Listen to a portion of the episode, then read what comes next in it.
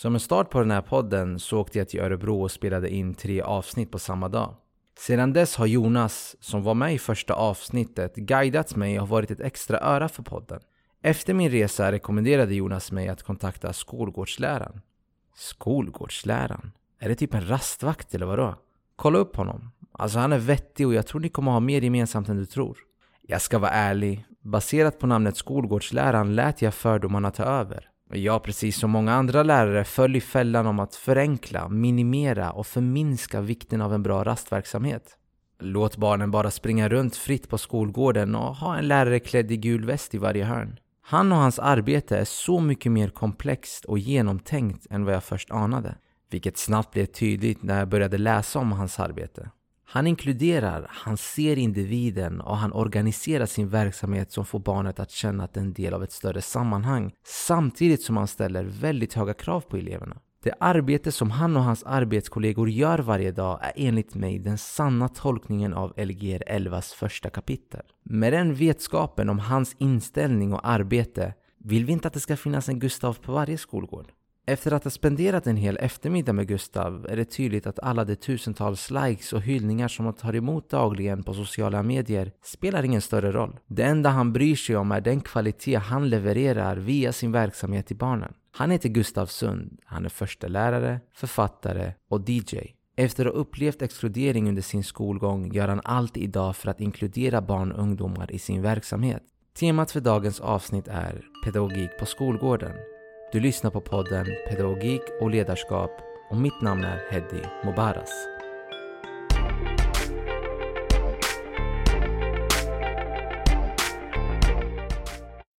Alltså varför jag blev, jobbade, valde att jobba i skolan var ju nog faktiskt på grund av alla misslyckande bemötanden jag har fått själv som barn och ungdom i skolan. Liksom. Och det handlar mycket om ett sätt som man bara, det är inte med ord utan det är så här, sättet någon ser på mig, då ser jag genom hur de förhåller sig till mig. Alltså, människors, vuxnas förhållningssätt, det kodar barn och ungdomar, det är det, de är proffs på det. Det är liksom deras jobb att förstå så här, hmm, vad tycker den här människan om mig? Tycker han om mig? Ja, ibland gillar han inte det jag gör, men han tycker om mig. Liksom. Det är så jävla centralt liksom. Och det, det är ju ungar som redan i fyran vet att de är utdömda av vuxenvärlden och för varje gång de, sånt, ett sånt möte sker så, så dömer de ju ut sig mer och mer och mer. Och till slut så hamnar de där du jobbade på en anstalt. Liksom. För att vadå, det, det, det är ingen idé. Jag kan ändå bara sabba för mig själv. Vad fan, jag måste göra någonting. Alla förväntar sig att jag ska göra det här. Då är det klart att fan jag gör det. Och lite till liksom. Mest för att få en reaktion eller liksom ändå möta. Men jag var väl lite tvärtom. Jag, jag, jag gillade att göra... Jag kommer ihåg, jag hade första gången jag hade idrott var alltså 8.30 på morgonen en tisdag. Jag var morgontrött, lite seg. Och så stod vi där på gymnasiet och så pratade, skulle alla stå i ring. Också så här konstigt, man måste stå i ring och så ska man... Du vet, alla skulle berätta vad de pysslar med för fysisk aktivitet till idrottsläraren. Och jag berättade att jag åker skateboard och jag gör det så här 5-7 timmar per dag. Och då snäsade han av mig och säger att ja, fast det där är ju ingen fysisk aktivitet. Då vände jag mig om och gick ifrån den där cirkeln och så gick jag inte dit på två år. Två år? Två år. Alltså, och det, det, det kom ju fram. För någonstans hade jag, du vet som man, så här, man har hört när man är ungdom. Att om man, om man Betyget i idrott, det behöver man inte räkna med i sitt slutbetyg. Men jag fick ju då, de kom ju, alltså lång, min typ mentor kom och rektor sa du eh, riskerar att få underkänt här liksom. Du, och det är ett eh, kärnämne. Så då får du inget slutbetyg. Och då drog jag hela den storyn. Jag var jävligt verbal redan då. Så att jag kände mig liksom jävligt illa behandlad av den rektorn. Så att, och det är ju också så efterhand, ingen märkte att jag inte var där på två år. Två år liksom. Helt sjukt. Men jag sa, jag sa ju som jag var då ungdom, jag var där Nej, men jag har nog varit där några gånger så sa jag, ja men vi har läraren här borta i fikarummet som, som är din idrottslärare. Kom tillbaka. Så satt jag där i så här långbänk med massa lärare. Då kom han tillbaka och så höll han upp sin hand och sa, fem idrottslektioner Gustav. Du har varit på fem stycken på två år. Var glad för det, borde du säga. Men eh, de var ju snälla så att jag fick tenta av allting med. Alltså, men sånt, man får tänka sig för liksom hur man, hur man pratar, vad man, hur man förhåller sig till barn och ungdomar. Liksom jävligt noga. Liksom. Vad är det för respekt och för vördnad man möter dem med? För det är exakt vad du får tillbaka och det är exakt vad de tänker om, kommer tänka om sig själva. Så att man är en jävligt viktig person. Mm. I just det där mötet. Det var som när jag flyttade som jävligt stökig elev, eller väldigt stökig elev. För jag gick i tre olika högstadium. Så i sjuan så gjorde jag mig väldigt sådär känd. på, på olika sätt. Jag gjorde liksom saker som man, ja men busiga saker som ungdomar gör. Så att jag fick ha veckomöten tror jag med rektorn och sitta och göra mina läxor uppe hos rektorn. På rektorsexpeditionen. Och sen så följer det alltid med en sån akt. Du vet, jag vet inte om det gör det än idag. Men jag flyttade i alla fall till en liten håla, alltså ute, det heter Vaxholm, ute, en liten ort och kom där som så här lång, stor, bullrig skateboardåkande kille med rakat hår. Och så under sommaren, jag är ju jävligt social, så jag träffar ju liksom, ja men fan tja, du åker skateboard. Det finns ju någonting jävligt fint och universellt med skateboard, att så här, det räcker med att oavsett var du är i världen, man tittar på varandra och bara, du åker skateboard, jag åker skateboard, fine, då hänger vi ut. Alltså det finns sån enorm, det är liksom världens största och finaste familj som jag har fått äran att växa upp i.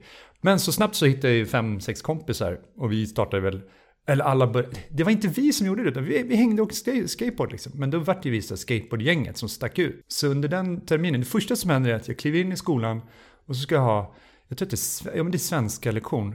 Och då tittar läraren runt som i klassrummet och letar med blicken. Jag känner nu är det mig hon letar efter. Och så tittar han på mig och säger du ska inte vara här. Och det blir så här dödstyst. Jag, jag kände så här, vad fan, jag blir röd i ansiktet. Bara kände så här, eller röd, men jag kände, vad, vad, men, vad menar hon? Så här, när du ska gå ner till Gunilla. Så tänkte jag, fan gå ner till Gunilla? Ja, i studion. Och då fanns det så här någonting som hette studion, en trappa ner. Okej, okay, inte mig emot. Och så gick jag ner dit och så var det så här, men du vet, det luktade lite så här dam, äldre damparfym. Och där stod en så här liksom Mary Poppins fröken som var jättelugn. Det var så jävla tyst där nere. Jag bara, okej. Okay. Hon bara, hej. Ja, du här. Vad ska du göra här? Jag bara, jag vet inte. Då la hon så huvudet på sned och såg så här finurlig ut. Så bara, men, men sätt dig ner. Och så gjorde vi typ tre diagnostiska test. Och sen kollade de på dem och så la hon fram dem på bordet framför mig. Så att du har 60 av 60 på alla proven. Jag vet inte vad du gör här, men det, det stannar mellan dig och mig. Och sen fick jag vara där. Alltså nästan individuell undervisning. Jag var inte så stökig, jag var kanske liksom pratsam och så här, men men hon började pumpa mig med böcker och litteratur. Och liksom, jag fick så tre böcker i veckan att läsa. Så under ett helt läsår, så jag vet inte hur många böcker jag läste liksom. Och skrev långa jäkla texter. Jag var liksom duktig, alltså jag är jätteduktig i svenska och matte. Men, men någonstans hade den, den där läraren som bemötte mig först där och dömde ut mig på förhand. Vi hade inte sagt hej. Jag hade inte fått en chans i klassrummet. Men sånt bär jag liksom med mig i, i varenda sekund i mitt yrke. Att det finns ungar som, som tittar på det med misstro. Det måste du liksom komma över på något sätt. Du måste, måste jävligt mycket, inte med ord så jävla mycket, men du måste kunna signalera så här. Hej, jag tycker jävligt mycket om dig. Ibland tycker jag inte om vad du gör. Men jag tycker ändå om dig hela tiden. Alltså över tid måste man med de ungarna. För de har, de har ju träffat vuxna som dömer ut dem så jävla fort. Och då, det de ungarna gör då, det är att de har ju fattat liksom att den här vuxna gillar inte mig. Då ska den vuxna få tillbaka liksom. Och så ställer de till det utifrån, det är deras sätt att, att prata liksom. Jag stökar till i klassrummet, jag gör si och så. För, för, att jag, den här vuxna tycker inte om i alla fall. Så varför ska jag tycka om den eller göra någonting tillbaka? Men det omvända är ju ganska enkelt. Att om du får någon att tycka om dig. Då vill ju den personen, alltså på ett icke-verbalt plan, hjälpa dig. Det är min upptäckt ganska mycket i skolans värld. Det, och det är ganska så basic trick tycker jag. Liksom att så här, fan ungarna måste ju gilla dig först. Och sen så kommer de gilla ditt innehåll. Men de måste gilla dig. Och de måste liksom... Men det liksom- finns ju ett likability problem just nu, tycker jag. Ja, ja. Många lärare är inte likable. Nej. Du måste sälja in ditt innehåll, vad än det är. Och det, det är det här vi, vi kommer in på ledarskap. Jag, jag läste en artikel som provocerade sönder mig. Det var en kvinna som hade nyligen tagit examen. Som hade gått in i väggen. Och hon hade sagt i den här artikeln, hon var anonym. Det var i de här fackliga tidningarna. Hon hade sagt ah, men jag, hade, jag, jag har pluggat nu i fem år och jag fick inte den respekten jag förtjänar. Det där stör mig. För du kan inte ha utgångspunkt att, att du ska få respekten bara du kommer in dit. Det är en titel. Alltså du är bara lärare, ingenting annat. Du måste bevisa dig för dem lika mycket som de måste bevisa sig för dig. Ja, ja. Jag tycker det är, det är väldigt nedlåtande om man ja. tänker på det här sättet. Och det blir väldigt mycket jag är här, du är här. Ja, Du ska ju få en människa att, att ändå... Det där är ju spännande hur man liksom tror att här, när du är färdig med lärarutbildning, då har du hela ditt yttre professionella skal. Du är klar. Klart, då är du klar. Det är det mest idiotiska alltså, uppfattningen som någonsin har skapats. Alltså det, jag kommer ihåg när jag gick ut första ja, men 7 januari 2003. Jag tänkte ju ett halvår att så här, snart kommer de att hämta mig. Snart kommer de att hämta mig. För att jag bara låtsas. då kom det, någon, det kom en farsa efter tre månader. Vi småpratade lite, jag fick rätt bra kontakt med honom. Så sa han efter någon dag så här fan, du, eh, du har jobbat ganska många år va? Jag bara, nej nej nej, jag har jobbat sedan januari liksom. Han bara, va? Har du bara jobbat sedan januari? Du tänkte så här, fan du har ju lyckats ändå liksom. Du har lyckats med den här blåsningen på något sätt. och det handlar ju om det, alltså, med allt man gör, att så här, du har en målbild. Så här vill jag vara, det här vill jag sträva mot i mitt sätt att jobba med barn och ungdomar. Och det blir man ju aldrig liksom klar med, utan men man kan sträva med det, man kan lära sig saker, man lär sig av sina absolut största misstag, jag har lärt mig absolut mest av att så här, okej, okay, men går eleven upp i ett sånt här högt liksom, aggressionstempo, då måste jag ligga här. För jag kommer ihåg förra gången blev det ju knas. Så att jag måste tänka så här. Och det, det är ju liksom en, det är en fingerfärdighet, alltså det, det är ju praktiskt beprövad erfarenhet, liksom, alltså verktyg. Så man måste liksom, du måste ta dig igenom det där. Det är inte bara att komma ut och det är, de första tre åren tror jag är lite avgörande. Tar man sig igenom det och känner, fan jag kan grejer ändå. Jag lyckas med saker, jag kan liksom leda ungar i, i liksom styv kuling och ändå komma ut och det blir så, liksom, det lägger sig på havet och, vi landar och, och ungen är fortfarande med på båten. Då har jag ju vunnit liksom. Det handlar inte om att vinna, men då har jag vunnit ungens förtroende. Då är, då är ungen med mig. Jag kan kolla åt ett annat håll, jag vet ändå vad den gör. Liksom. Men jag, jag har en fråga. Det verkar ju som att du har väldigt negativ koppling till skolan sen du var en ungdom. Vad i hela friden gör du i skolans värld? Ja, men jag vill ställa saker och ting till rätta. Hur gick, hur gick den tankeprocessen? När du valde att bli lärare? Alltså, det är väl jävligt konstigt för att eh, jag gick ju så här någon, någon, ekonomisk linje på gymnasiet och satt och gjorde olika bokföringskalkyler och sånt där i evigheters evigheter. Och sen på så avslutningsdagen så satt vi på någon restaurang och så var det två barn som sprang runt och lekte. Så sneglade jag på dem och bara fan. Det, så började jag tänka på min egen barndom och saker och ting som har påverkat mig. Så här. Då fick jag en jävla insikt. Jag ska nog jobba med barn och ungdomar. Det är nog ändå det jag tycker är kul. Liksom. Men jag var rätt tidigt, som barn så gick jag på fritids och fick... Eh, alltså jag var duktig på att dansa, eller jag hade en jävla fäbless för att... Jag kan inte säga duktig, men jag älskade att dansa. Det är viktigt. Jag, jag gillar det, jag inser att jag... Jag, måste, jag bara kände i min kropp så jag måste lägga mycket timmar på det här. Så jag fick vara i typ ett rum och vi var väl tre, två, tre stycken andra som var där. Liksom. Och sen så bara träna och träna och träna som fan. Och så här. Och så började jag så uppträda på liksom så här fritids och skolavslutningar och sånt där. Liksom vart, det vart som en grej att folk kollade på mig på ett jävligt mycket annorlunda sätt. Och jag liksom byggde ju mitt eget självförtroende. Alltså min, min fysiska självkänsla byggdes jävligt mycket upp när jag var typ 7, 8, 9. Genom att jag var duktig på någonting. Jag hade liksom bemästrat någonting genom att lägga ner jävligt mycket timmar på det. Och sen så ledde det till att jag började lyssna väldigt mycket på musik. Liksom. Jag lyssnade sönder de här kassettbandspelarna man hade som barn. Jag tejpade dem och sånt där. Och stod hemma på mitt rum. Antingen så, det var det enda jag gjorde, dansa, dansa, dansa. Och sen upptäckte jag skateboard där. Liksom. Och då, då, tog jag liksom med mig det ena, den här fysiska kunskapen ändå. Att kunna alltså, motoriskt röra sig på olika sätt och upprepa olika mönster. Så, så började jag åka skateboard. Och, gjorde det också. Tyckte det var jättesvårt. I början helt omöjligt liksom. Tills jag lärde mig att kunna hoppa och lärde mig olika trick. Och sen så fortsatte jag snöa in på det totalt. Så jag åkte skateboard sedan jag var sju. Det är väl snart liksom 30. Ja, det är många år alltså.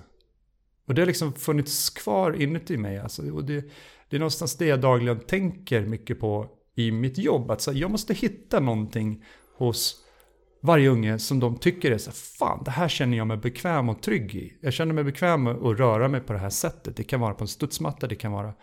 Så mycket i min vardag handlar just om det där. Och jag eh, förkroppsligar ju det genom mig själv. Alltså många fattar inte det som jobbar med barn och ungdomar. Att om du går ut på en skolgård och ser ut som ett mähä och står och... Alltså man måste, göra, man måste visa med sig själv. Du kan inte stå och berätta för barn att du ska göra si och så. Utan jag använder ju mycket mig själv som ett verktyg. Liksom. Klättrar och hopp. Jag är inte så bra på studsmatta men jag kan och studsa. jag är med och spelar King, jag är med och gör olika saker. Och jag, jag är liksom ytterst delaktig och får med barnen i det jag gör. Liksom. Jag gör inte så åt barnen utan med barnen. Vi gör grejer tillsammans. Och det, det spiller över på typ hela mitt kollegium. Alltså det gjorde det väldigt fort på det här bygget för att de var ganska duktiga redan på att fatta vad de ska göra. Men, men jag märker hur det påverkar, liksom så här, vad förväntas när du är ute med barnen på skolgården? Jo men att vi är bland ungarna och gör grejer med dem. Liksom, och hela tiden kollar på vad fan de gillar och, och vad de vill göra.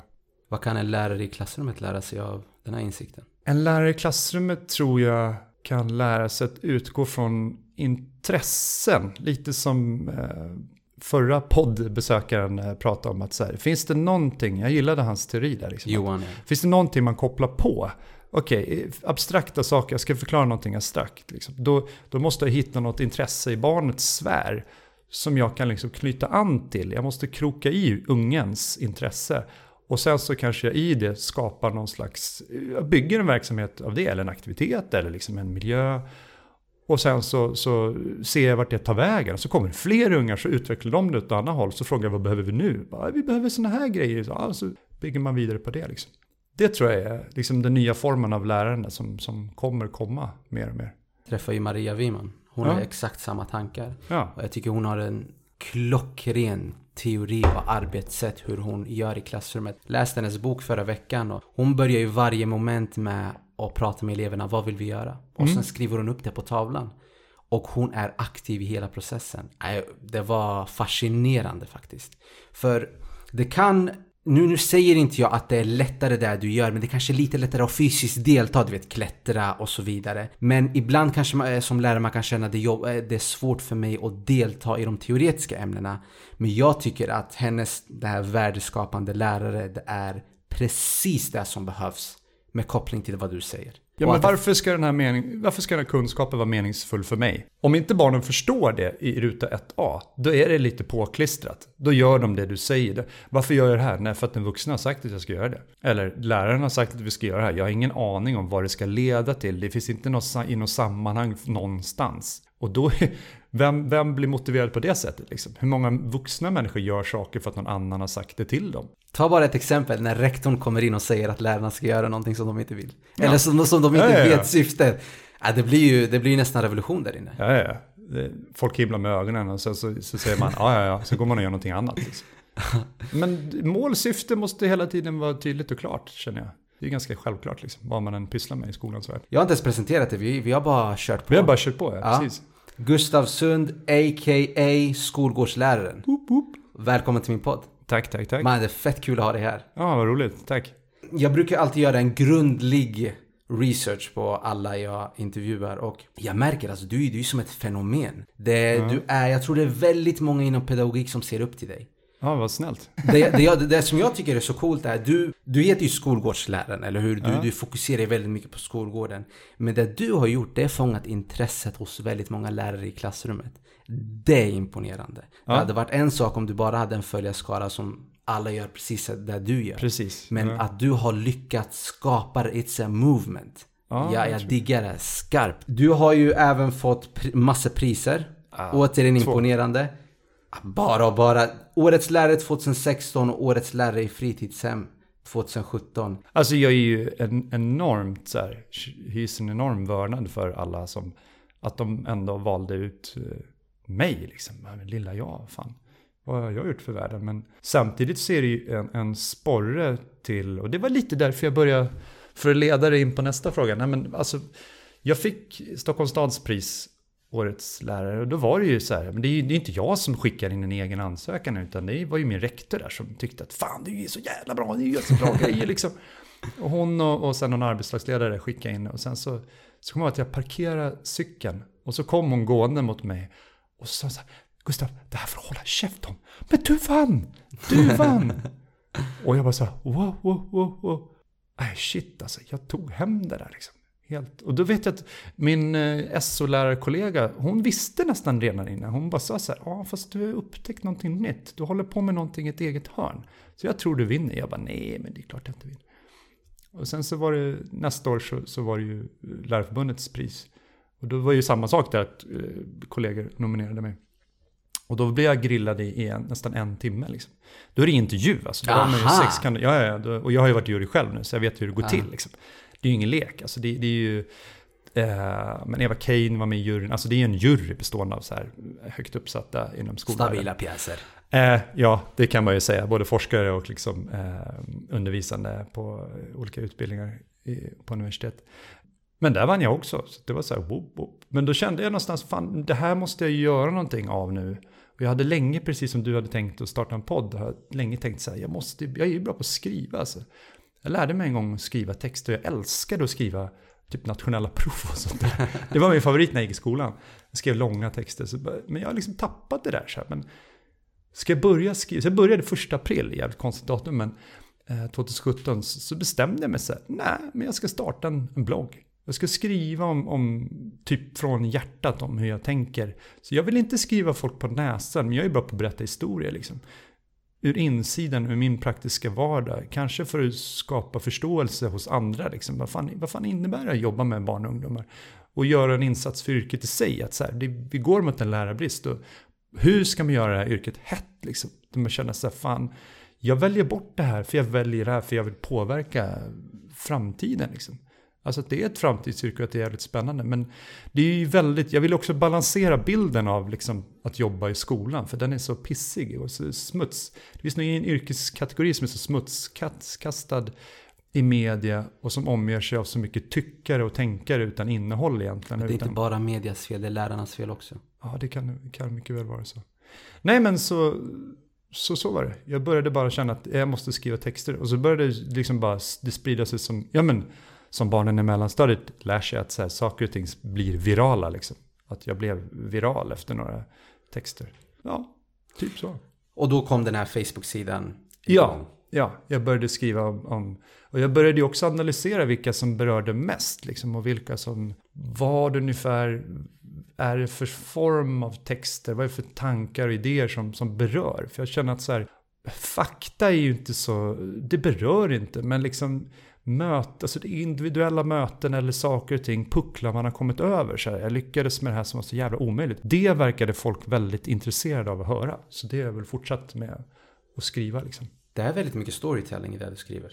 Ja. Jag uppskattar det. Ja. Det känns som Tack. man är med dig på skolgården. Ja men det är väl lite tanken att man ska få en inre bild liksom att fan det här. Och framförallt så, så är det ju en tanke att jag ska inte skriva folk på näsan. För det finns det tillräckligt med folk som gör. Utan jag bara ger en inblick i, i så här, så här lyckades jag i den här situationen. Och det kan ju alltid någon ta med sig. Och då har människor oftast, framförallt pedagoger oftast garden nere tror jag. Då är det som att man på riktigt berör någonting i deras inre. Att så här, Fan, men jag gillar ju... Man kanske har en deppig dag eller man kanske har en pissig grupp. Man tycker att så här, det går åt skogen med det här. Jag har många sådana som kommenterar ibland så här, tack för att du liksom lyfter mig. Jag har det tufft just nu med min klass. Jag får mycket brev så här, eller mycket i inboxen liksom att så här, fan tack det där var viktigt att du skrev det. Jag har en sån där, exakt en sån där elev eller exakt en sån där grupp nu som och du gav mig liksom styrka och ta mig vidare. Då. Det är ju typ så hög, oftast högstadielärare. Av någon anledning. De jobbar liksom med andra änden. Men, men samtidigt så har jag haft mycket samtal med en SO-lärare som är förstelärare i demokratifrågor på vår skola. Och vi är så nära varandra i så mycket tänk liksom. Till 99,8% så stämmer det överens och liksom 0,2% är väl hur vi undervisar, liksom, alltså vårt innehåll. Men vi, till 99,8% så överensstämmer vårt sätt att jobba med barn och ungdomar. Och det är lite häftigt liksom. Vi har upptäckt samma saker. Jag har ju läst återigen en del och det som jag tyckte var så himla coolt, som jag tycker inte du har lyft nog, det är ju din lilla sidokarriär. Berätta om den. DJ. ja. Alltså när jag läste att du var DJ, jag tänkte bara vi skippar den här pedagogikgrejen. Alltså vi kör ja. bara DJ-snack hela dagen. Ja, Hur började allt det där? Nej men alltså jag var ju snubben när jag var så runt 20 som alltid gick in på fester. Rakt in på festen, genom hela rummet, typ så lägenhetsfester. Och så var det ju CD-spelare då. Tryckte ut CD-skivan som satt i, bröt musiken och tog ur min Walkman, satte i min låt. Och så satte jag på den och festen bara drog igång så in i helvete. Liksom. Pondus. Ja. Jag gjorde typ alltid det. Och då var det ju två tvillingbröder som hette Nicke och Ricke eh, som bodde i Uppsala. Och de hade sett det där någon gång.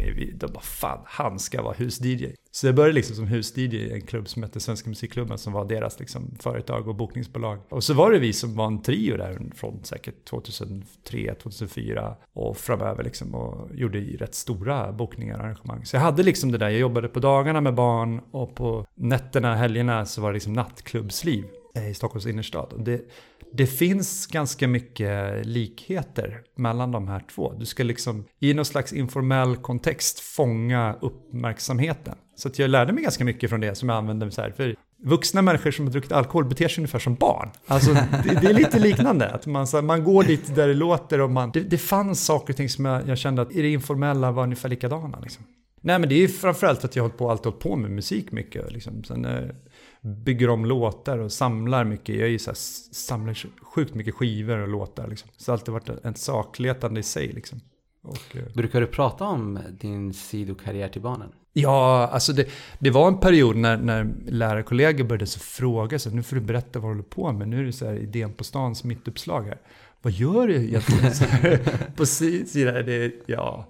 Nej men de vet det, jag har ju tagit med mig grejer så här, tagit med mig DJ-utrustning och sånt.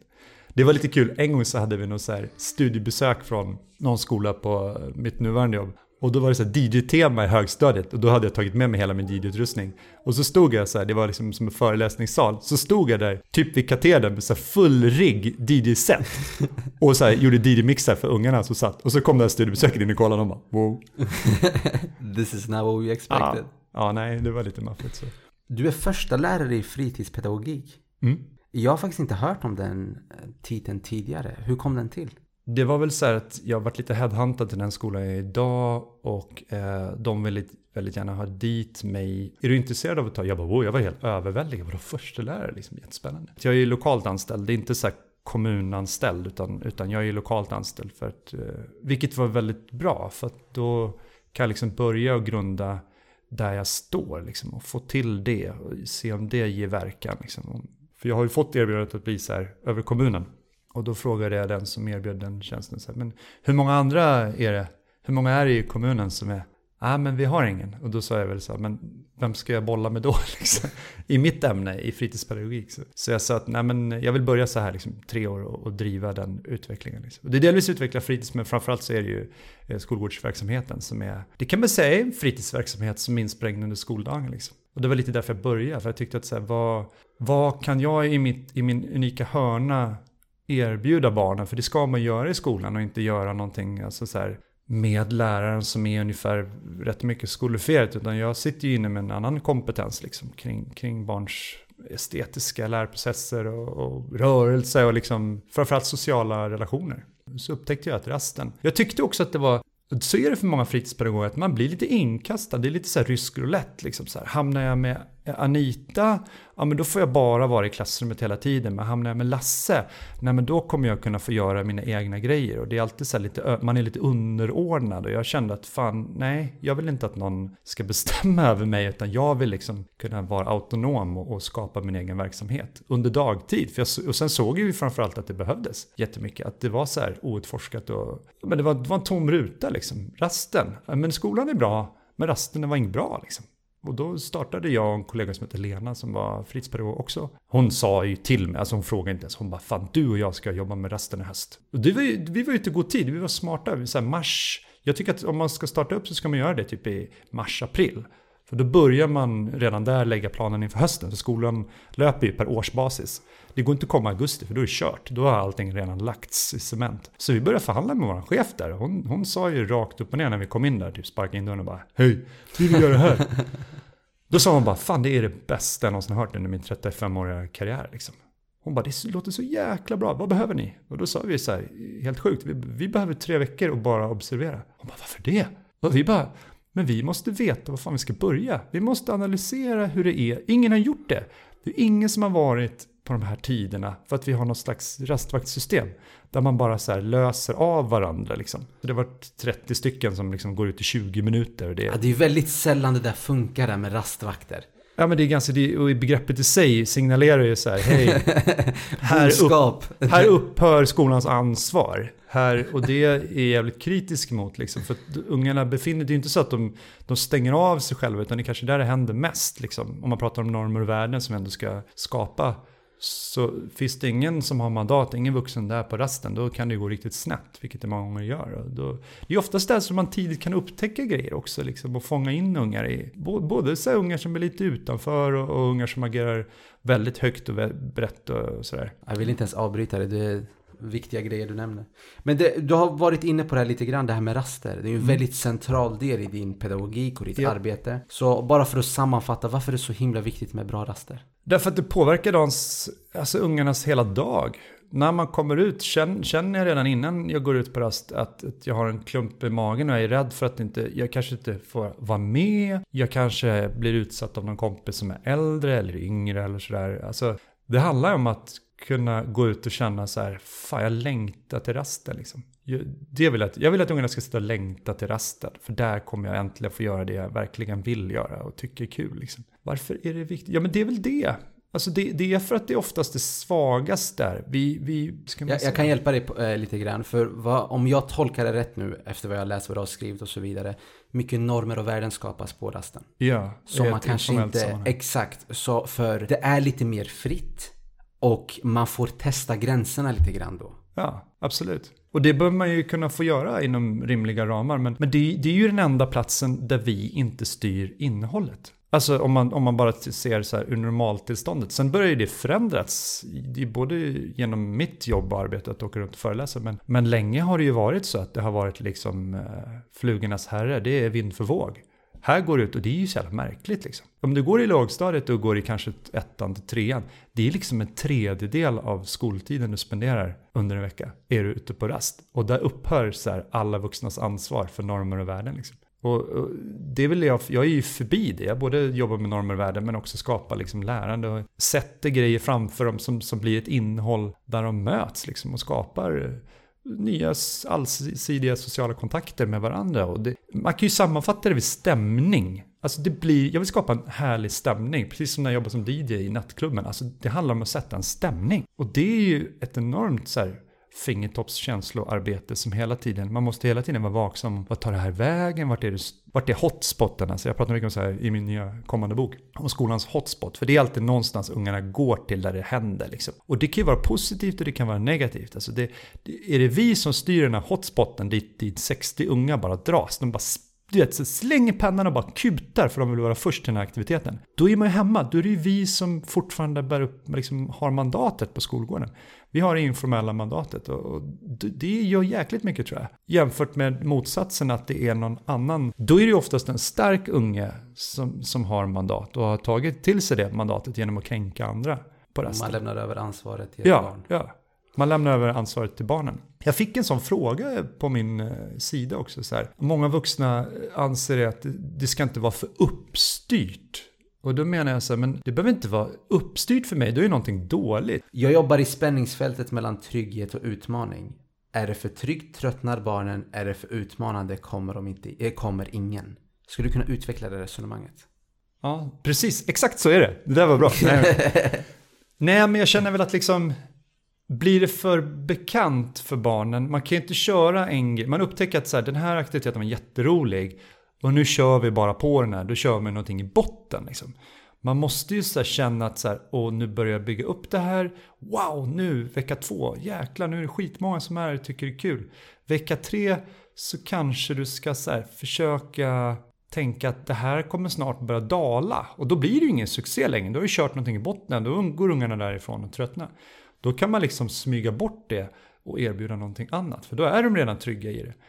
Så tänker jag väl också så att det arrangerar ju oftast att jag är med jättetydligt och handleder i början och är så här sätter olika regler, ofta så här beteenderegler. Hur ska vi vara vid varandra när vi spelar det här spelet eller gör den här aktiviteten? Hur ska vi vara då? Det är i princip uteslutande det jag underhåller. Och sen kommer oftast ungarna nu, för att jag har lärt dem att säga, hej kan inte jag få vara den som startar? Och, och jag kan vara här, jag kan vara den formen. Och de vill liksom så bli delaktiga och då kan jag sakta men säkert så här backa ur liksom. Och då blir det så här utmanande. Och jag får oftast med mig såna ungar som bara står, som inte fattar hur de ska ta sig in i leken. Men de är skitbra som så de gillar att stå i centrum, men de gillar inte att delta, men de vill blåsa en pipa. Liksom. Alltså, då blir de delaktiga på, på, utifrån deras förutsättningar. Liksom.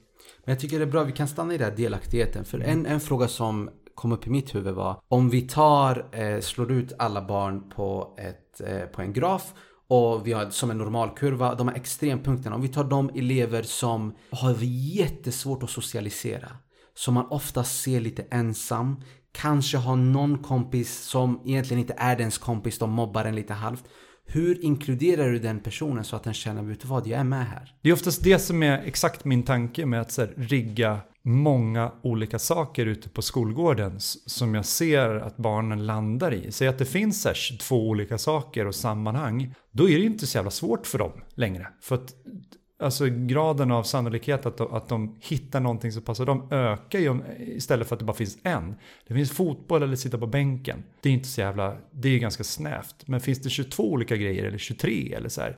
Då tror jag att sannolikheten ökar för att de ska hitta ett sammanhang som är öppet. Och sen så går jag ju så här, jag går ju runt lite som en så här helikopter pratar jag om att jag är. Liksom, jag går mellan de här klustren, underhåller dem lite. Så här, vad gör ni nu? Fan, går det bra här? Spelar ni Uno? Gör ni det här? Ja, jag går vid studsmattan. Jag går runt bland allting jag har riggat och ser liksom hur det går. Stämmer av. Och ser ju oftast att jag blir Det är nästan ett kvitto när jag ser ungar som oftast har svårt att kliva in i grejer landa i någonting. Då känner jag fan check, jävla bra. Nu har jag lyckats liksom. Det är oftast då jag känner så här, oh. Och det är oftast eh, kollegor som kommer till mig och bara Jag måste bara berätta. Vet du, har du sett att den där ungen, han är med? Han är med nu och gör det där. Jag bara, ja, fan vad kul. Så går jag dit och kollar och så försöker jag prata med det här tyckte du var kul. Och så här. Vi intervjuar dem lite så här. Oftast är det unga som är på tvären så är de som är mest spännande att utgå ifrån. Liksom. Då tar jag oftast med dem så här. Är det ungar som på fritids inte vill, aldrig vill göra någonting, de vill aldrig vara i idrottstältet, så här, det är bara tråkigt. Då hugger jag i dem någon gång i veckan så bara, hej men fan du och jag, vi ska göra en, du får bestämma helt fritt. Här är papper, här är penna, rita upp för mig, hur vill du ha det i idrottstältet? Och det är ju, då får jag oftast de bästa idéerna. Liksom. För de drar ju med sig sådana som är likasinnade, som så inte kanske tilltalas till det traditionella racketsport, fotboll, basket eller... Så att det handlar ju... Men utmaningen är väl också att rigga, hela tiden pizza på med nya grejer liksom. Men samtidigt återgå, det har jag ju tänkt på väldigt länge, att jag har ju så 20 stycken egentligen så här pedagogledda aktiviteter som jag tycker så här, fan de har jag hållit på med 15 år. De, de kan ju på riktigt inte fortfarande tycka det är roligt. Men de tycker ju det. Alltså, och då, det handlar om att jag så här, jag kör dem inte varje dag i tre månader utan jag, de, jag erbjuder, jag har ett schema jag sätter upp. Idag, den här veckan så erbjuder vi de här fem aktiviteterna. Typ. Så kör vi, på måndag så kör jag, startar en aktivitet första rasten och så kör jag den på lunchen och sen kör vi den på eftermiddagen. Så har jag som tre lektioner. Och precis som en lärare som undervisar i klassrummet, om man kör en lektion tre gånger så, så blir ju det hela tiden, jag planerar en gång, jag, jag genomför det tre gånger, då slipar jag ju liksom på, på innehållet på något sätt. Ah, jag måste ändra, alltså jag korrigerar och modifierar hela tiden. Ah, nej, vi kanske måste ta bort det där och lägga till det här. Och sånt. Men vi kommer ju, jag och min kollega Mohammed, eh, åtta varje dag typ. Och sen börjar jag rigga miljöerna och planera en timme varje dag. Får ni den planeringstiden? Ja, vi har eh, en timme till första rasten. Och sen så... Det här med mångfald på rasten. Du har varit inne på det lite grann, mm. men vi kan konkretisera det. Du har, du har, skrivit att det är oftast vanligt att, som du säger, de här, vi kan ta de här hotspoten. Till exempel fotbollsplanen. Ja. Alla springer dit, det, det, är anarki, alla gör lite vad de vill, de kanske sparkar en boll. Ja. 90% står och tittar på för att de inte får vara med. Varför är det viktigt att en skolgård ska ha mångfald i form av olika saker att göra? Jag tänker för att det ingår i skolans, enligt skollag och läroplan, alltså skolans uppdrag. Om man tittar på vad vi ska, ska tillföra så är det ju alltså barnen ska, det är ju deras rätt till eh, alltså jämställdhet, att en jämställd utbildning. Jag ska inte bli begränsad utifrån mitt kön eller vem jag är, liksom min person eller min, ja men alltså utifrån diskrimineringsgrunderna. Så att egentligen så är det ju det jag gör. Jag är ju liksom planen för diskriminering i praktiken på rasterna. Vilket är liksom barnens mest så här, det andra är ganska lätt uppstyrt. Men jag menar hur, hur, eh, och jag vet ju saker, vi vet ju saker, vi vet ju att killar i lågstadiet är de absolut mest aktiva och tjejer i de högre åldrarna är mest passiva. Och någonstans börjar ju det etablera sig liksom. Alltså det blir ju en norm. Och det är ju, dess, vågskolan är ju lite sned där. Att rörelsenormen är lite snäv för tjejer. Det börjar liksom utkristallisera sig redan i, i, i tvåan, trean, fyran. Så blir tjejer mer och mer passiva. Då måste jag ju börja redan i förskoleklass och verkligen stärka upp. För de kommer från förskolan, de bara “jag provar allting, överallt”. Mm. Så är ju barn från, när de kommer från förskolans värld. Och sen så finns det så här outtalade normer som de, såklart som de är för de är människor, alltså anpassar sig till rådande. Och är då normen att så här, som kille, så ska du spela fotboll på fotbollsplanen och som tjej så ska du sitta passiv och titta på Men hur bryter du den här normen då? Jag börjar ju väldigt tidigt. Och jag börjar ju att titta jäkligt noga på vad tjejer, och prata mycket och är ganska nära tjejer i typ mellanstadiet. Vad gillar ni? Och det var ju så här, när jag började på mitt nuvarande jobb, då var det liksom, då var det de jag började med direkt. Bara, Fan vad vill ni göra på rasten? Ja, vi vill göra det här, det här. Och liksom skapa utrymme och skapa ytor för dem att göra det. Och om jag har en massa sexar som håller på och gör volter på studsmattor och sånt så kommer alla de yngre barnen ut och kollar på så här 11-åriga tjejer som tar jättemycket plats på skolgården. Vad gör de då? Jo, men de gör ju som de äldre. För att så bara är det. Barn gör inte riktigt som man säger, men de gör som de andra barn gör. Så det handlar mycket om att utgå ifrån, alltså för killar tar redan plats och, och, och det, det, blir ju någonstans att jag väger upp skålarna. Så det blir så oavsett kille eller tjej. Och det finns ju vissa saker som är tjejkodade, vissa saker som är killkodade. Till exempel som skateboard, jag har haft ett gäng nu under hela vårterminen som är så här, ja men de är typ fem stycken, de springer ut till eh, min utlåningsbord och bara Är de utlånade? Jag bara nej. Och snälla, snälla, på lunchen kan du inte lägga de här stora skateboardarna åt sidan? Liksom. Det, och det är ju tjejer som jag vet kanske inte lyckas så bra uppe i klassrummet. Liksom. Alltså de är jävligt störiga och har varit väldigt alienerade. Liksom. Och, och, och inte varit de snällaste. Men hur jobbar du, nu glömde jag en fråga. Mm. Jag, jag, nämnde de här eleverna som har svårt att socialisera. Ja. Hur jobbar du med de som, quote unquote, stökiga eleverna? Ja, de är ju ganska lättfångade. För de är ju som, alltså, de älskar ju någonstans riggade miljöer och tydlighet och liksom gillar att gå in i någonting. För så fort de ungarna inte, när det blir för oklart och för rörigt, då, då mår de inte bra. Alltså, de mår ju bra. De som är röriga i klassrummet mår ju bra i klassrummet av tydlighet. Vad förväntas av mig på den här platsen vid den här tidpunkten? Vad kommer hända sen? Hur, hur ser plattformen ut här? Vad, vad förväntas jag göra? Jag försöker ju skapa samma tydlighet ute på skolgården för dem. Liksom.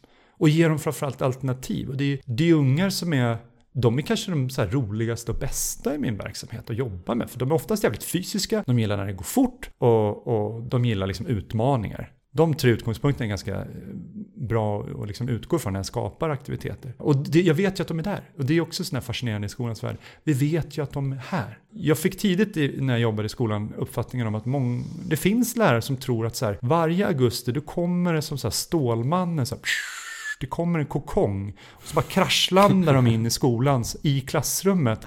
För att det är den reaktionen det blir. Bara, Vad är det här? Finns det sådana här barn? Och jag upptäckte ganska tidigt att de har alltid varit här. De finns alltid där. Så det gäller liksom från första sekunden när jag började jobba nu i augusti. Vart är de? Och jag vet ju redan så här jättemånga i och med att jag kommer ha samma elever sen, sen i våras. Men, men det är ständig jakt på de där eleverna som inte funkar i den traditionella ramen. Säg att det är 80% som är den traditionella ramen liksom. Och så är det 20 som vi, vi vuxna pedagoger tycker är ohanterliga. Det är de jag måste bli duktig på att hantera. Och inte bara så hantera, utan framförallt leda. De ungarna måste känna störst förtroende för mig. Att så fan när jag går ut på rast, då går jag direkt till Gustav, eller då går jag till det han gör. För där kommer jag lyckas. Och det är ju en känsla, det går inte att sätta ord på för så här 7, 8, 9-åringar. Utan det ser jag på dem, att de kliver in i min så här drop-in show och få glänsa liksom, och få dansa loss eller göra sitt uppträdande. Sen går de in ganska stärkta liksom. Vad gör de ju då? Alltså det, det finns ju, det är lite behaviorism, och återkommer ju till det jag arrangerar. För att där fick man lyckas, det kändes bra i kroppen, alltså det är en kroppslig grej. Så att fan, jag fick vara med och jag fick lyckas i det där sammanhanget. Så de ungarna har jag oftast väldigt bra kontakt med. De, de uppskattar ju mitt liksom ledarskap och det vi arrangerar väldigt mycket. Och det är oftast de som är utgångspunkten. Vad, fan tycker, vad tar de här ungarna vägen? Vad tycker de är kul? Ja, men nu har de släppt det där. Och mitt jobb handlar mycket om liksom hela tiden följa det här flödet. Vad är kärnan nu? Alltså, vart är hotspoten nu? Och sen antingen utgå från det eller bygga någonting helt nytt exakt där. För det är oftast en geografisk plats. Det är där nere vid gungorna. Ska jag göra någonting med gungorna?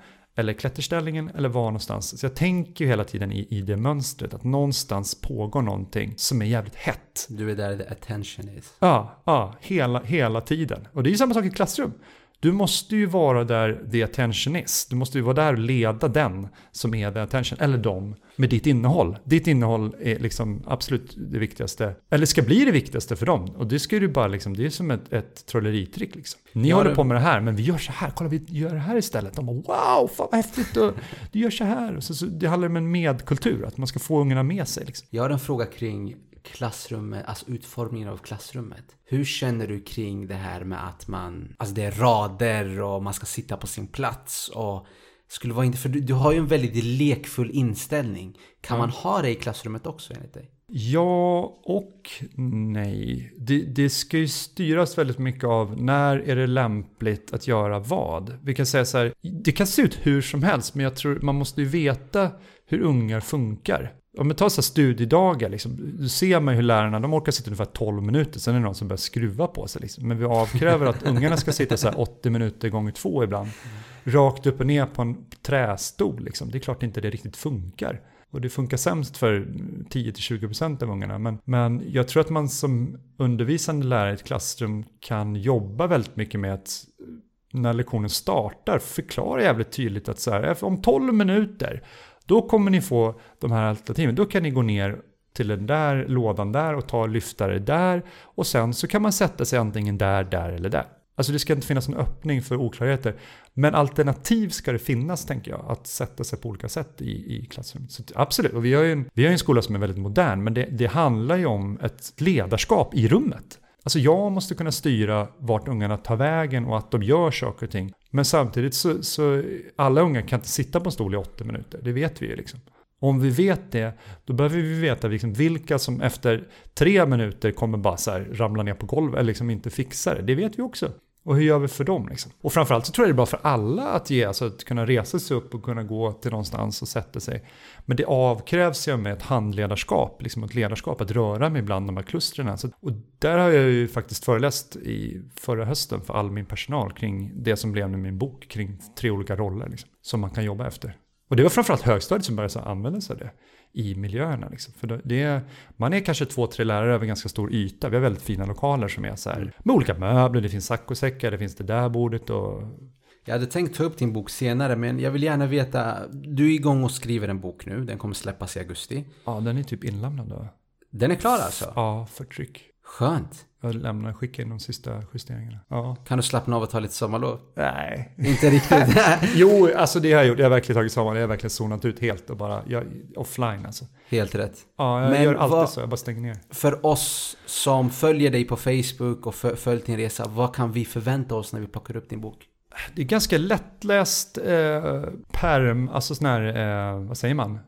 A4-format, väldigt enkelt eh, formulerad text. Handlar mycket om, eh, egentligen är kärnan handlar om liksom hur man, eh, inte bara hur jag jobbar utan hur jag tänker och hur jag tänker att vi som team ska jobba med ungarna i olika miljöer. Liksom. Och den är riktad till eh, en verklighet som är idag, att det finns rätt mycket outbildad personal som kanske inte tillför någonting eller inte förstår. All, allt det där som vi förstår som är självklart, hur jag, hur jag förhåller mig till ungarna liksom i, i den här kontexten.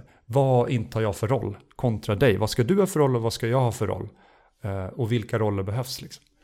Och det är det roller på tre olika nivåer. Det är liksom, oavsett om det är i en NO-sal och är två lärare så är det någon som är djupdykare som dyker ner i innehållet med ungarna och är den som är navet och är liksom det mest centrala. Och sen finns det alltid någon då som är lots som handlar om att fånga upp eh, unga som kanske inte... Och är många sysselsatta så är de ju lättare att se. Det är också bra. Har man en bra verksamhet på skolgården då är det ganska lätt att se de ungarna som inte har landat i någonting. Därför rollfördelar vi på mitt jobb in, in eh, olika kollegor i, i lotsrollen.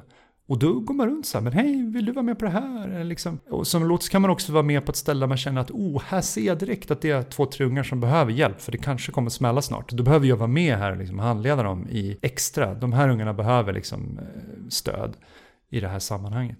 Sen finns det en tredje roll som heter liksom helikoptern och den intar jag, jag intar ju alla tre under en skoldag, eh, skol och fritidsstöd. Helikoptern rör sig över den stora ytan liksom, alltså då är man ovan och liksom fångar in ganska mycket helheten liksom. Vad, för om jag har arrangerat tio miljöer, då måste jag ju röra mig mellan de här och se olika saker. Och, och se det från ovan, liksom, ovan perspektivet. Hur samspelar de här tio olika klustrarna? Vart är ungarna mest? Hur funkar det där? Och se det liksom utifrån. Och då kan jag också se mina kollegor i djupdykarrollen, vilket de inte gör. Alltså de står ju där och leder någonting, men de har ingen aning om hur det ser ut från utsidan. Liksom. Och det kan vi ju bolla om sen. Och det tar vi ju, det är liksom en ständig dialog. Så här, för vi bollar med varandra. Fan vad bra det såg ut när du gjorde det där. Shit vad du slukar mycket ungar i det där. Hur ska vi göra det ännu bättre? Hela tiden så här, hur ska vi göra det ännu bättre? Men går man ut på en skolgård och bara tittar på barn, då, är man ju liksom, då går vi back personalmässigt och så är det på många skolor. Så boken är ju tänkt att så här, det finns tre olika roller att inta, inta någon. Du kan ha A, B eller C. Du kan inte göra intet liksom. Superbra. Och jag har ju skrivit ner allt det här som är självklart för mig, men som jag fattar är så jävla osjälvklart för större delen av Sveriges pedagoger som är på en skolgård. Liksom. Kommer du ha tips på olika lekar och utformningar, hur man riggar saker och ting, eller är det mer organisationen kring det? Mer organisationen. Alltså jag är mycket, jag vill ändå att folk ska tänka själva och leta själva. För det, det handlar ju mycket om att så här, på den här unika platsen med de här unika ungarna, vad behöver de? Alltså man kan inte ta färdiga quick fix koncept. Det kan funka till en början men det rinner oftast ut i sanden. Liksom. Jag är ju mer att, att de som läser boken också ska göra jobbet liksom och titta. Det är mycket tankar. Alltså det är det som är pedagogik. Pedagogik är inte att ta fram en perm och göra som vi gjorde förra året. Det är att tänka efter. Okej, okay, jag har den här klassen med de här eleverna och jag ska ge dem det här innehållet. Det här är ju en unik grupp. Hur ska jag få dem att ta till sig det här innehållet? Det går inte bara att ta ett färdigt koncept. Jag kan ha en ram, jag kan ha liksom en ungefär struktur, men jag måste ändå anpassa det till det här unika sammanhanget. Så därför går det inte att skriva en bok med färdiga. Och det finns, alltså internet svämmar ju över av mm. olika aktiviteter. Liksom det, det, här är mer teambuilding. Ja, absolut. Det är teambuilding och det är liksom ett sätt att förklara vad behöver barnen? Vad behöver ungarna på en skolgård av dig? Det är ju framförallt där vi måste... Och jag tror väldigt många lärare kan nyttja det här. Nej, men det, Tror det, jag i alla fall. Efter att ha lyssnat ja, på det. Ja, men det, det är som eh, kärnforskning eller någonting. Liksom. Alltså för många. För många fattar inte riktigt att, att det, aha, och så bara går man ut och så säger jag vet inte. Eh, mina kollegor har ju lärt sig, alla på mitt jobb, de bara går fram till mig och så bara, var ska jag vara? och då säger jag allt, då har jag alltid, alltid en klar plan. Och det jag har sagt, så det är helt okej, okay, det är bara att komma till mig och säga vart behövs jag? För, för de vet ju att jag ser det. Jag ser oftast vart det behövs. Så det är ofta så här, ah, du, ska vara, du ska inte stå och kolla på kojbygget, du ska vara mitt i kojjäveln och bygga med barnen. Oh, uppfattat! Och då går mina, min kollega dit och så ser jag så här, fan vad bra. Och så kommer han ner och så bara, gick det? Ja, det var skitbra Så jag fick ju kontakt med de här, med de här, de här har jag aldrig pratat med. Jag bara, ja, jag sa ju det. Så det är ju också, det står ju mycket om, boken är ju ett handledningsmaterial. Ett handledningsmaterial måste ju vara jävligt klart varför. Vad är poängen med det här? Liksom? Varför ska det vara så här? Varför? Och jag har ju brutit ner de här tre rollerna. Jag rör ju mig mellan dem så ganska obekymrat liksom och kan flexa. Men, men är man helt ny och helt grön, då kan det vara bra i början att man så bestämmer bara så här. De här, den här första veckan, så vi, vi testar att inta de här rollerna. Och sen så går vi till analys när vi har planeringsmötet på fredag. Hur var det? Vad uppfattade jag i den rollen och i den rollen och i den rollen? Och det är också ett pedagogiskt trick eller ett handledningstrick att så här, det går inte att göra ingenting. Du kan ha den här rollen, du kan ha rollen som djupdykare eller lots eller helikopter. Och vi kan inte ha 29, eller 29 är det aldrig, men vi kan inte ha fem stycken som djupdyker och vi kan inte bara ha helikoptrar utan vi måste fördela oss. Hur fördelar vi oss på den här skolgården? Vad behövs? Liksom? Det är också, jag är också tre kapitel eller två kapitel där jag går igenom hur man bara kan, så här är ett förslag på hur man kan börja liksom veckovis. Att så här, börja med det här och sen så analyserar ni det och så går ni ut igen och så, så här, fram och tillbaka hela tiden liksom jobbar med det här rollfördelningssystemet. Välbehövt i svensk skola. Ja. Du har sagt någonting som kan vara provocerande för vissa. Du har sagt att rastverksamheten ska likställas med lektionerna. Vad menar du där? Nej, jag menar att det är, alltså när skollag gäller och, och det är det är ju inte så att det finns, det är ingenting, alltså det, det är inte inget. Det finns en uppfattning om att det är vakuum, liksom, tid mellan lektionerna, men det, det uppstår ju lärande i informella sammanhang rakt över liksom, mellan ungar på rasterna jämt. Det tar ju inte slut och det, handl det handlar om mitt sätt, mitt, min syn på lärande. Jag tror ju på att lärande sker alltså, under pågående, det pågår hela tiden.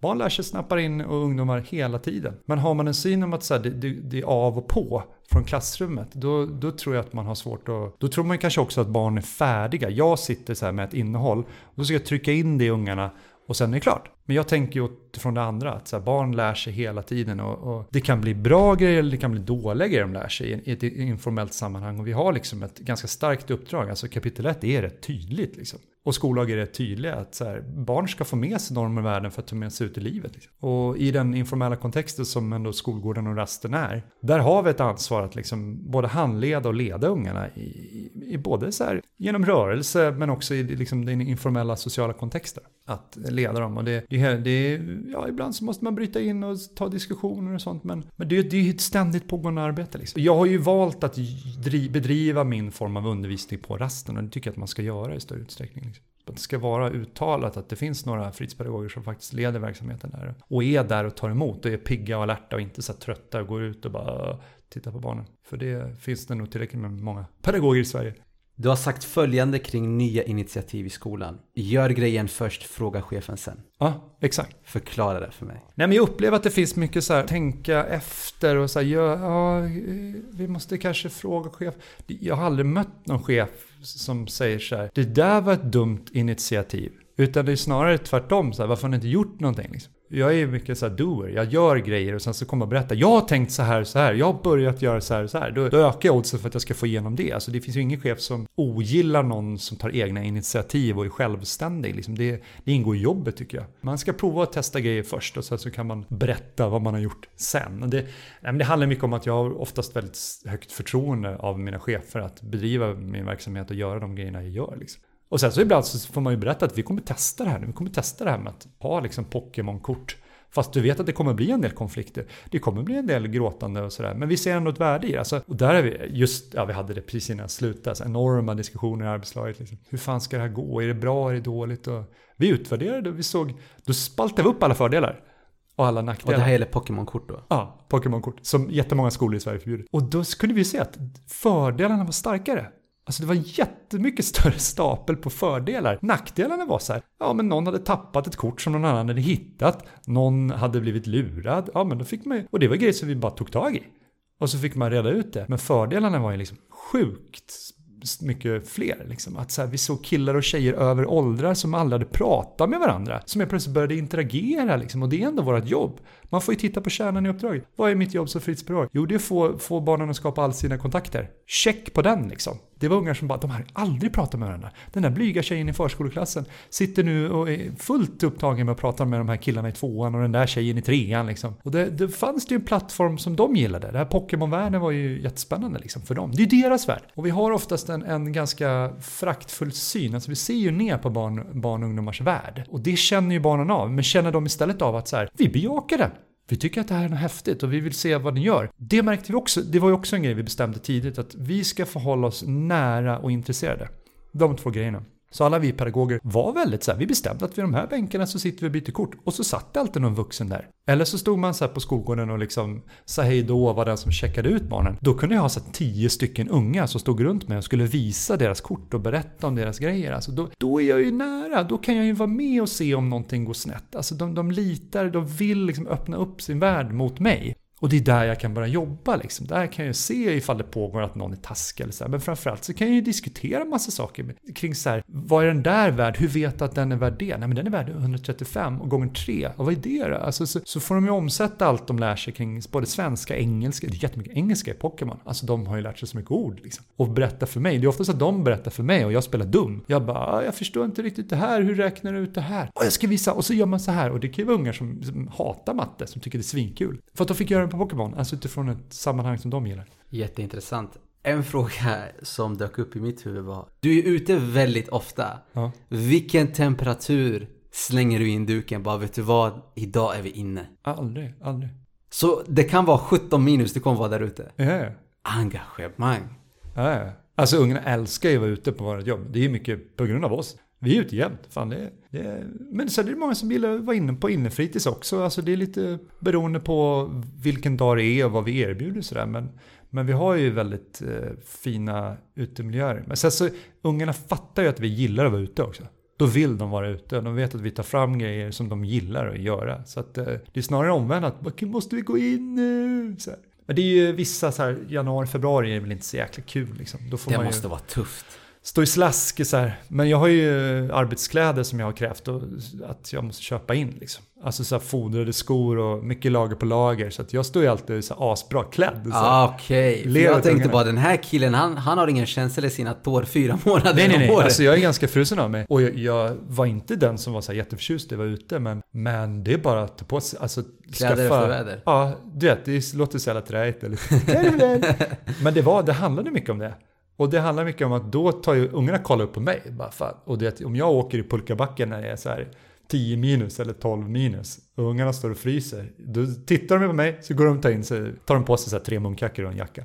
Så kommer de ut igen. Liksom. Det är också en grej, så här, samma sak där. Jag måste ju le, jag måste ju vara förebilden. Liksom. Om jag gillar, ungarna ser ju på mig om jag gillar att vara ute eller inte. Tycker jag inte att det är kul att vara ute, nej men då tycker de inte det heller. Liksom. Men har jag skapat massa kul grejer, oavsett väder och vind, och om det ösregnar, då fan, de brassar ju ut. Sen är det ju en grej där med barn och kläder, att så här, nu ska alla ha de här kläderna på sig. Och vi bara säger nej, fan ungar, de ska lära sig att ta på sig själva liksom från ganska tidig ålder tycker jag. Liksom. Och en unge kan vara asvarm medan en annan unge fryser. Så jag brukar med så fråga dem så här. Du fryser inte? Så är ungen helt svettig. Så här, äh?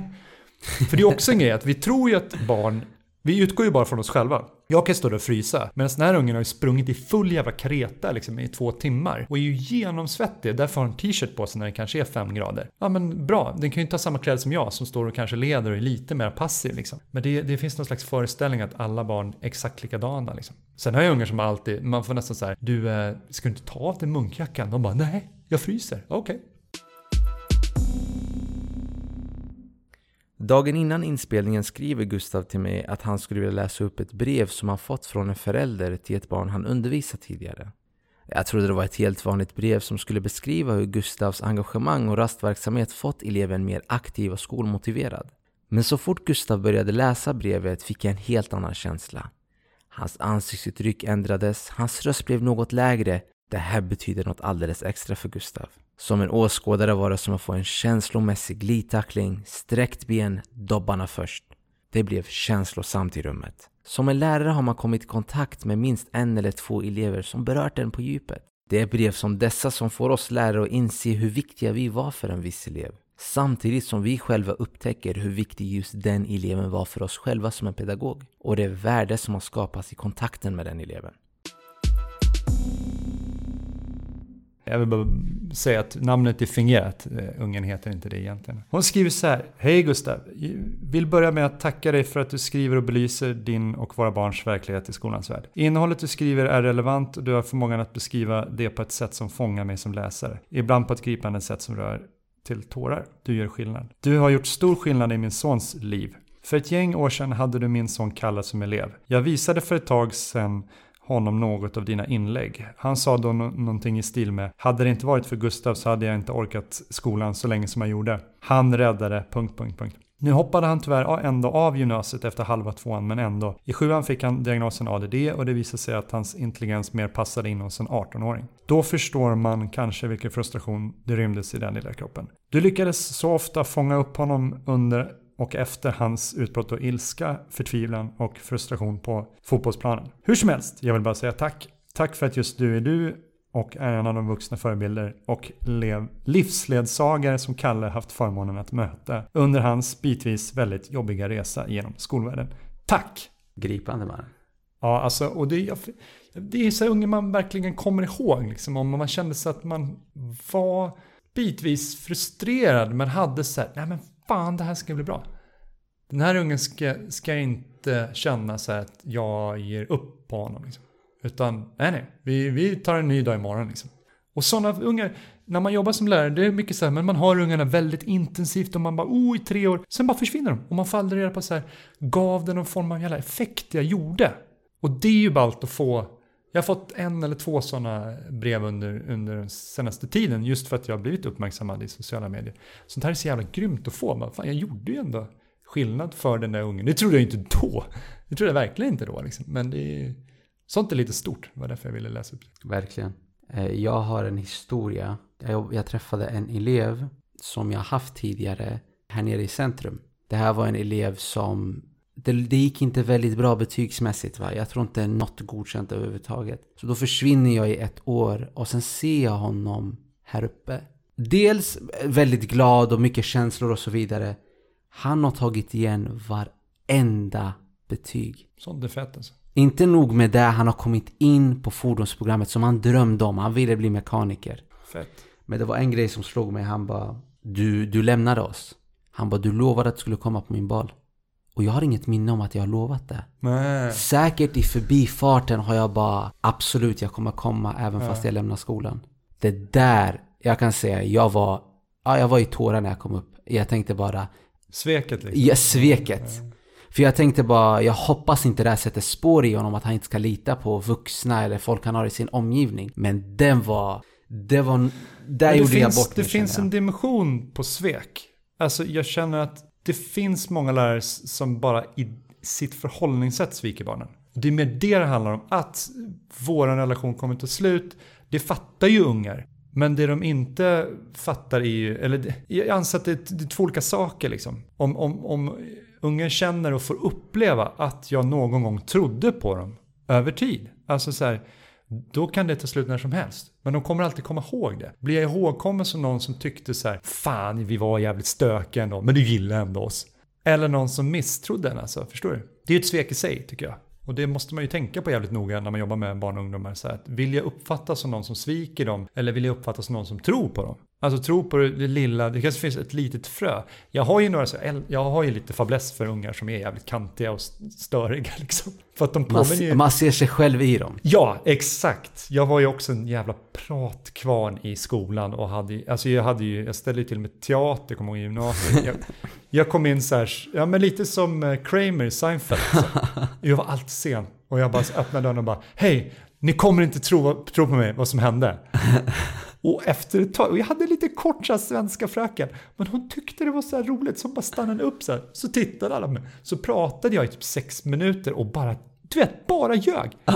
Bara hitta på grejer om att så här, min benet fastnade i kedjan och jag flög och sen ner i ett dike och i diket låg en haj och jag bara så här pladdrade på. Det Och var good lät- acting, det var inte ljug. Det var Nej men du vet, det var ju så här stort, var ju ändå svenska och hon bara så här, jag vet inte, det var många lärare som, antingen så gillade de mig och kunde liksom, och det handlade om att de var duktiga ledare tror jag. De kunde liksom styra min energi och mitt innehåll in i deras ämne. Och det har jag ju lärt mig. Jag har ju lärt mig jävligt mycket av de just ungarna. Alltså, fånga, de som låter och hörs mest, ja men du måste fånga deras intresse i ditt innehåll. Är det, det, det du erbjuder. Det måste du göra intressant för dem, för annars kommer de ta över. Alltså annars kommer de hitta på någonting annat som är kanske någonting negativt. Liksom. Det handlar om att fånga ungars intresse. Oavsett om du står i SO-salen eller om du står ute på skolgården tror jag. Jag skulle precis ställa en fråga men du svarade precis på den. Och Ja. det är så här, ett konkret tips på hur man kan få en lyckad rastverksamhet och det är ju fånga intresset. Ja, precis. Analysera vad de har för behov och intressen och börja exakt där. Och börja exakt det som är mest populärt. Det kan vara positivt, det kan vara någonting negativt, det kan vara... Men nio gånger av tio så verkar det vara fotbollsplanen efter att ha åkt typ och föreläst så här 90 gånger runt om i Sverige. Så jag ställer ju den frågan bara. Men jag pratar ju mycket om vart jag började. Att jag började på en fotbollsplan för jag upplevde att det var där det hände mest grejer och det var minst vuxen närvaro. Och där började jag ju erbjuda ett annat alternativt innehåll som var svinkul och få med mig de här fotbollskillarna på grejer. Och framförallt många andra liksom. Där är, minst vuxenmandat, där ska man skapa mest vuxenmandat känner jag. Och det handlar ju, jag måste styra, mitt innehåll måste göras intressant och det görs intressant genom att jag vet vad de gillar. Så det är liksom trycket. Väldigt fint sagt. Jag avslutar ju varje podd med två frågor. Yep. Vad innebär pedagogik för dig? Oh, pedagogik, det är väl sättet man lär ut. Ens förhållningssätt, alltså vägen till kunskap för barnen. Eller vägen till eh, att bli en... Hur, hur styr, styr jag de här barnen?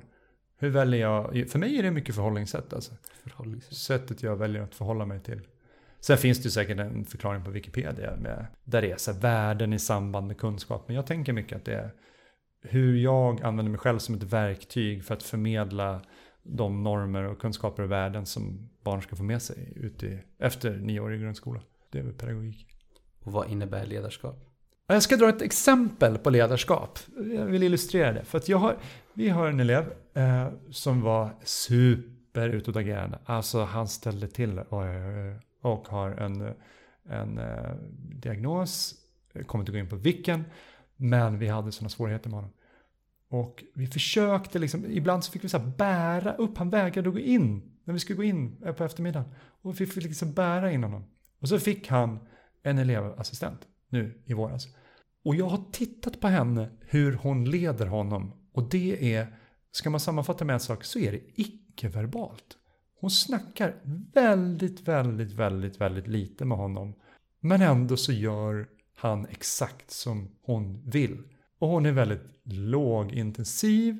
hon är alltså väldigt, väldigt fåordig. Men visar med sitt kroppsspråk. Så jag skulle säga att ledarskap för mig är 70-30 liksom. Alltså 70% signalerar jag icke-verbalt genom mitt sätt att stå, mitt sätt att röra på mig, mitt sätt att föra mig.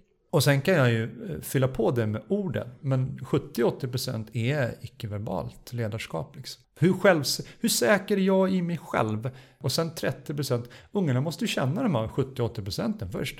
Fan, han verkar gilla sig själv. Han verkar gilla det han pratar om. Då gillar jag också det. Alltså det, för mig är det ledarskap. Vad man än pysslar med så är det förmå, förmågan att fånga uppmärksamhet. Ja, men då måste jag ju gilla både det jag gör och gilla mig själv som person. Så jag tror mycket att man gör mycket icke-verbalt. Och vet man om det, då kan man ju använda sig själv ännu mer som ett verktyg, liksom, tänker jag. Väldigt fint sagt. Tack, Tack. för att du var med i min podd. Yay!